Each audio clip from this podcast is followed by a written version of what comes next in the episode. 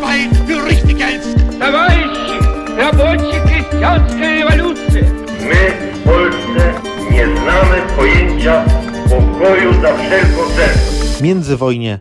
Kanał historyczny. Witam na kanale historycznym Międzywojnie, gdzie opowiadamy o okresie najbardziej burzliwych zmian politycznych, społecznych oraz ekonomicznych, które odcisnęły piętno na cały XX wiek. Nazywam się Jarosław Kornaś A ja Stanisław Żuławski. i zapraszamy do podróży, gdzie będziemy ujawniali kulisy i sekrety szalonych lat dwudziestolecia międzywojennego. Dolsztos. Mit ciosu w plecy. W dzisiejszym odcinku zajmiemy się teorią ciosu w plecy.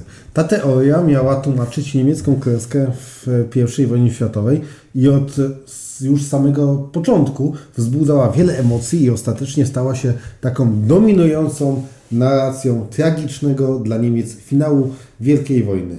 Teoria ta musiała wskazać winnych, a dokładnie tych sztyletników zdrajców, bo nie mogli to być nieznani sprawcy. Porozmawiajmy w tym odcinku o tej teorii oraz konsekwencjach tego mitu na późniejszy okres dwudziestolecia międzywojennego. Mówisz tutaj konkretnie o tak zwanej teorii spiskowej ciosu w plecy, czyli e, po niemiecku Dolchstoss. Był to mit, który ukształtował się już w pierwszych latach Republiki Weimarskiej. Źródła tego mitu były na pozór bardzo banalne. W zeszłym odcinku opowiadaliśmy o tym, jak pod koniec listopada 18 roku na mocy porozumienia w Kąpień niemiecka armia wycofała się z terenów Belgii i Francji. Było to o tyle dziwne dla e, mieszkańców Niemiec, dla obywateli, którzy byli przez lata karmieni propagandą sukcesu, propagandą niezłomnej armii niemieckiej, że e, doszło do tego, że Niemcy, państwo, które nie było okupowane, w końcu to na terenie Francji i Belgii toczyły się główne działania frontowe, że to Niemcy musiały się wycofać z terenów Belgii i Francji. Przecież to francuskie i belgijskie miasteczka były zniszczone działaniami wojennymi, a nie na odwrót. Jeszcze można wspomnieć o tym, że w marcu 18 roku Niemcy narzucili Rosji upokarzający pokój brzeski. E, który e, skutkował tym, że w Europie Środkowo-Wschodniej, na mocy tego, że bolszewicy oddali Niemcom pod władanie spore połacie Europy Środkowo-Wschodniej, powstał twór polityczny, o którym politolodzy niemieccy mówili jako o Mitteleuropie, czyli o e, takim systemie pozornie niepodległych państw narodowych, które będą otaczały takim wianuszkiem Niemcy i będą e, od nich gospodarczo uzależnieni. Wreszcie w trakcie wiosennej ofensywy 18 roku to Niemcy mieli inicjatywę i przewagę. Jak już wspomniałem, dokładała się do tego propaganda sukcesu, która, jak już wspomniałem, ciągle powtarzała o niezwyciężonej armii i zbliżającej się zwycięstwie. To tyle, co widział prosty żołnierz ale prosty żołnierz obok tego doświadczał codziennie perspektywy głodu, wyczerpania i oczywiście nie był tego świadom, że niemieckie rezerwy ludzkie i materiałowe były na wyczerpaniu. Nie wiedział też, że gra toczyła się nie tylko o to, czy alianci zwyciężą, tylko o to, czy gdzie się zatrzymają alianci. To, o czym wiedziała generalicja, to to, że rozejm ten mógł być na różnych warunkach. To mogło być też tak, że wojska niemieckie będą musiały się wycofać aż do Berlina i tam bronić się przed państwami Entente wzmocnionymi e, milionową armią amerykańską, co skutkowałoby już absolutną klęską. Wszystko to spowodowało, że po rozejmie 18 roku wiele osób było w kompletnym szoku, kiedy dowiedzieli się o jego warunkach. Już nie mówmy tutaj o warunkach pokoju wersalskiego, który był absolutnym upokorzeniem. Niemcy nastawiali się na tak zwany sprawiedliwy pokój. Uwierzyli w perspektywę porozumienia z prezydentem Wilsonem, który w końcu mówił o tym, że pokój ma być bez zwycięzców i zwyciężonych, a więc miał być to pokój na równych warunkach. W związku z tym wszystkim, do czego doszło, narodziła się teoria spiskowa. W myśl tej teorii spiskowej Niemcy nie przegrały na polu bitwy, ale zostały rozsadzone od wewnątrz przez socjalistycznych agitatorów. Więc można powiedzieć, że spełniło się marzenie generała Ludendorfa, który cedując władzę na rząd socjaldemokratyczny, życzył sobie tego, żeby wypili piwa, które sami naważyli. Było to poniekąd poparte faktami, ponieważ podczas masowych strajków w Przemyśle 17 roku doszło do tego, że nawet generałowie mówili o tym, że ojczyzna za zaatakowała nas od tyłu, a to znaczy, że wojna jest przegrana. Już wtedy słowa te wypowiedział generał Hans von Sekt. Tym jednak najbardziej gorliwym e, orędownikiem tej teorii ciosu w plecy był właśnie wspomniany generał Erich von Ludendorff. Jego diaboliczny pomysł, by przekazać władzę socjaldemokratom, był w istocie podrzuceniem im kukułczego jaja.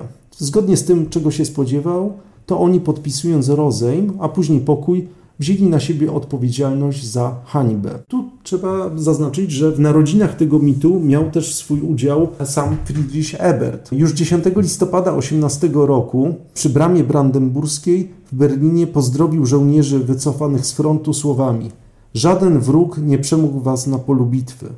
Słowa te skrócone zostały później do frazy Im Felde unbesiegt, niezwyciężeni w boju i weszły na stałe do niemieckiej polityki. Fraza ta zagościła w tytułach licznych książek, artykułów prasowych, broszur, plakatów, wierszy i odezw wojskowych, poddając wątpliwość przegraną na froncie. W tym samym Ebert nieumyślnie podżyrował to kłamstwo. Dodatkowo, by uspokoić opinię publiczną, w 1919 roku władze Republiki Weimarskiej powołały komisję śledczą mającą wyjaśnić winę za wybuch wojny światowej i za klęskę Niemiec. Na świadka w tym procesie powołano generała Hindenburga. Ten wypowiadał się bardzo długo, mówiąc też bardzo ogólnikowo o strajkach, sabotażu i niszczenia morale żołnierzy. Nie zniżył się co prawda do wskazania konkretnych winnych, czy to socjalistów, czy Żydów, tak to robił Ludendorff Natomiast zrobiła to za niego prasa brukowa. On swój występ podsumował odwołaniem do mitu o Nibelungach. Nasi frontowcy padli jak Zygfryd ugodzony podstępnie w plecy przez Karła Hagena. W ten sam sposób utrwalono mit o Dolchstoss, ciosu w plecy. Dlaczego ważny był tu cios nożem? Nóż bowiem był narzędziem bandyty, e, wbitym tchórzliwie i bez honoru w plecy. Ten obrazek takiego przestępcy, bandyty, którego rysy twarzy przypominały raz to kapitalistę, raz socjalistę, raz też właściciela fabryki o wyraźnie semickich rysach twarzy, zagościł na stałe w różnych ulotkach, plakatach, pocztówkach, i broszurach wydawanych w Republice Weimarskiej. Początkowo nienawiść nacjonalistów i sfer konserwatywnych skoncentrowała się na socjaldemokratach, komunistach, robotnikach i politykach republikańskich. Wkrótce jednak skojarzono ich z Żydami, już w czasie wojny podejrzewanymi o brak lojalności państwowej. Wielu przywódców rewolucyjnych miało pochodzenie żydowskie, co wykorzystała później propaganda nazistowska. Zresztą było tak nie tylko w Niemczech. W Rosji też spory udział w kierownictwie bolszewickim miały mniejszości narodowe, w tym właśnie y, też Żydzi. Y, nie dziwi to ze względu na fakt, że carska Rosja nazywana była więzieniem narodów. I też trzeba tu przyznać, że dużą rolę w utożsamieniu komunizmu z Żydami odegrało rozpowszechnienie w Niemczech tłumaczenia z rosyjskiego protokołów mędrców Sionu, którego dokonał e, bałtycki emigrant e, Alfred Rosenberg. No, protokoły mędrców Syjonu jest to książka bardzo popularna w takich kręgach, e, nazwijmy to antysemickich. Z drugiej strony też spotkałem się z opinią profesora Petera Rajny, który mówi, że co prawda może to była fałszywka ze strony rosyjskiej ochrany, no ale wiele z tych rzeczy, które są tam zawarte, na przestrzeni tam ponad 100 lat to się sprawdziły, ale nie będziemy tutaj dotykać tego, czy to była prawda w protokołach, czy nie. Jednak y, te treści, które były zawarte, no, dla społeczeństwa były mm, pewną taką pożywką dla wzrastania, tworzenia takiej atmosfery antysemickiej i w Niemczech, tych Niemczech po przegranej I wojnie światowej właśnie szukano tych y, głównych winnych tej klęski, o czym przed chwilą wspomniałeś. I do języka niemieckich nacjonalistów wszedł obraźliwy epitet tak zwanych zdrajców listopadowych. Y, co ciekawe, jednak współcześnie 9 listopada jest nazywany w niemieckiej historiografii Dniem Niemieckiego Losu. Tego dnia 1918 roku ogłoszono abdykację cesarza i proklamowano republikę. W piątą rocznicę tego wydarzenia w 1923 Hitler dokonał nieudanego puczu w Monachium i z kolei 9 listopada 1938 roku dochodzi do Nocy Kryształowej, czyli pogromu Żydów. To takie powiązanie dat jest y, przypadkowa, czy może chodziło o symboliczną zemstę na tych zdrajcach listopadowych? Y, oczywiście jest to jak najbardziej nieprzypadkowe i oczywiście było to działanie zupełnie celowe i symboliczne. 9 listopada 23 roku Adolf Hitler wraz z Erichem Ludendorffem, Adolf Hitler wówczas jako mało znany szerszej opinii publicznej przywódca marginalnej partii NSDAP, właśnie w piątą rocznicę proklamowania Republiki Weimarskiej celowo podjął próbę puczu w Monachium. Ta próba, ta inicjatywa była zainspirowana marszem na Rzym Mussoliniego, którego wówczas Hitler bardzo podziwiał, ale to miał być też odwet na tak zwanych zdrajcach listopadowych i zarazem miała być to rewolucja narodowa.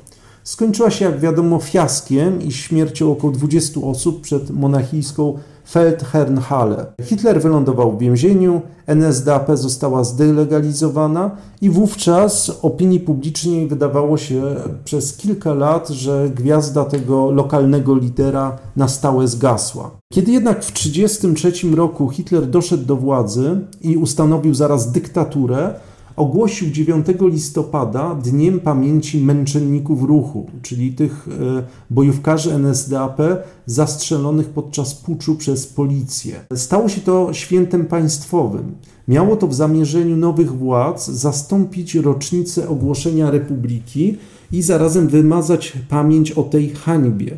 To tylko pokazuje, jak bardzo te wyobrażenia i te mity narodowe utrwaliły się w obiegowej pamięci, jak bardzo to bolało ludzi, e, opinię publiczną.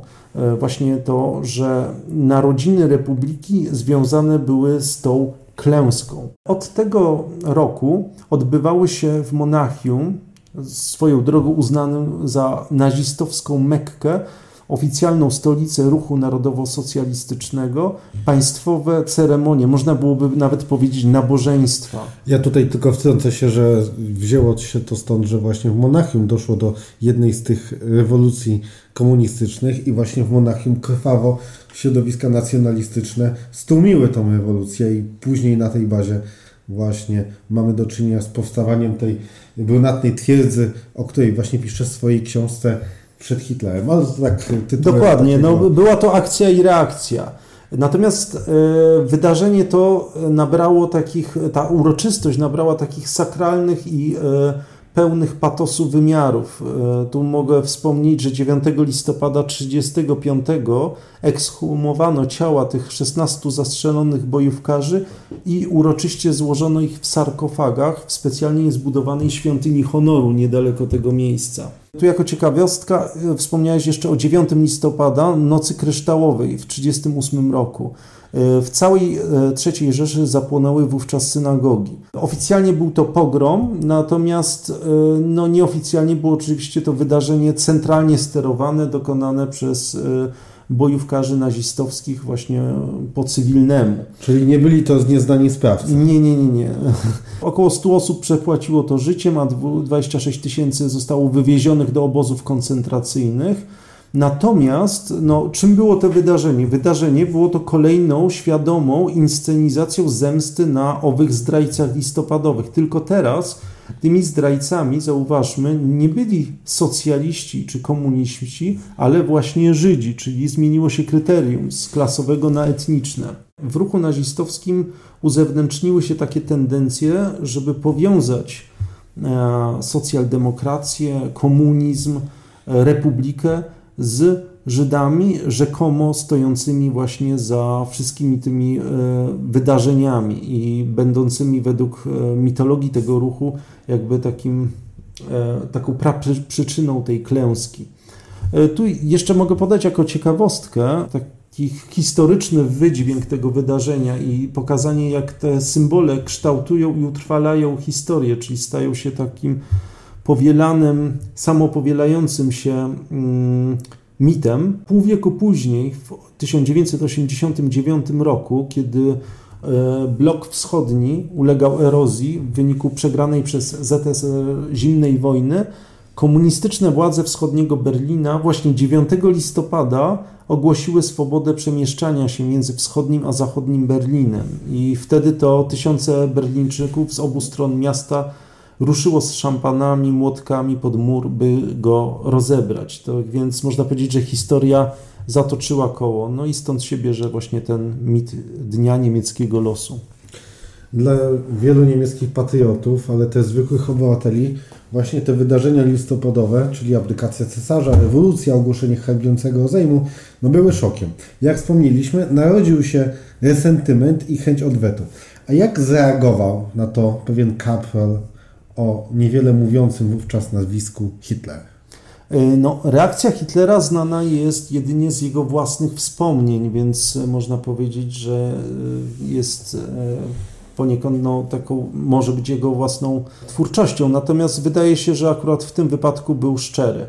I jego reakcja myślę, że wpisała się w to, co wówczas czuły milionów Niemców, czyli szok, niedowierzanie, żal, nienawiść i wściekłość.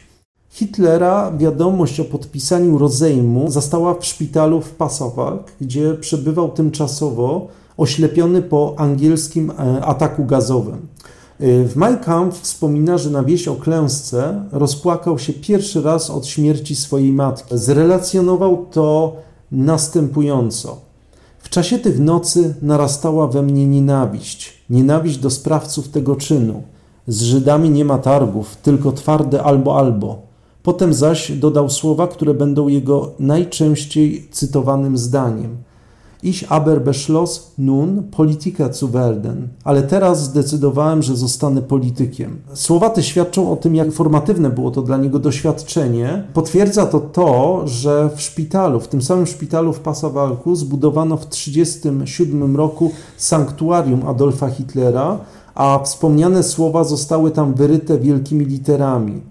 E, no, Hitler lubował się w takiej dramaturgii, patosie, w symbolice, e, więc e, to doskonale wpisywało się w jego, w jego taką mentalność. jeszcze tutaj, Stanisławie, chciałbym dodać co do symboliki niemieckiej. W poprzedni odcinek dotyczył podpisania rozejmu między Niemcami a krajami Etenty. I ta symbolika jest na tyle ważna, że mamy do czynienia właśnie z tym słynnym wagonem, który przyciągał tysiące zwiedzających w latach dwudziestych. I o tym wagonie pamiętał również Adolf Hitler od 1933 roku, wódz i kanclerz III Rzeszy. Państwa zrodzonego z powojennych resentymentów i rządzy odwetu. Przywódca Niemiec, kiedy w 1940 roku jego armie podbiły Francję, kazał zdjąć ów nieszczęsny wagon z pomnika i postawić z powrotem na tory w tym samym miejscu w lesie, który zajmował w listopadzie pamiętnego 1918 roku. Następnie, niczym teatralnie odtworzono tam tą scenę z 9 listopada 1918 roku z odwróconymi rolami. Niemcy zwyciężyły, a Francja przegrała. Generał Wilhelm Keitel odczytał warunki zawieszenia z kanclerzem Hitlerem siedzącym na miejscu marszałka Fosza. Hitler nakazał następnie przetransportować wagon do Niemiec i wystawił go jak trofeum w berlińskiej katedrze. Zaginął on w ostatnich latach II wojny światowej podczas alianckich bombardowań, ale jak chcą inni, został wysadzony przez SS, by nie wrócił do aliantów. W 1950 roku francuski producent podarował muzeum wagon z tej samej linii, identyczny ze swoim zniszczonym bliźniakiem.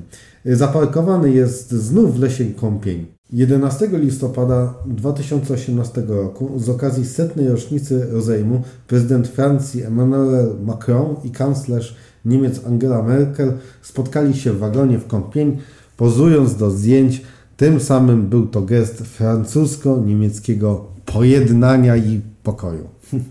Na tym kończymy nasz dzisiejszy odcinek i zapraszamy do kolejnego odcinka z tej serii, a tym razem weźmiemy na warsztat różnice pomiędzy socjalizmem i komunizmem. E, Rozpatrzymy, kiedy dokładnie rozeszły się w Niemczech drogi właśnie socjalizmu i komunizmu i kiedy niemiecki socjalizm przestał być socjalizmem marksistowskim. Zapraszamy. Stanisław Żuławski i Jarosław Kornaś.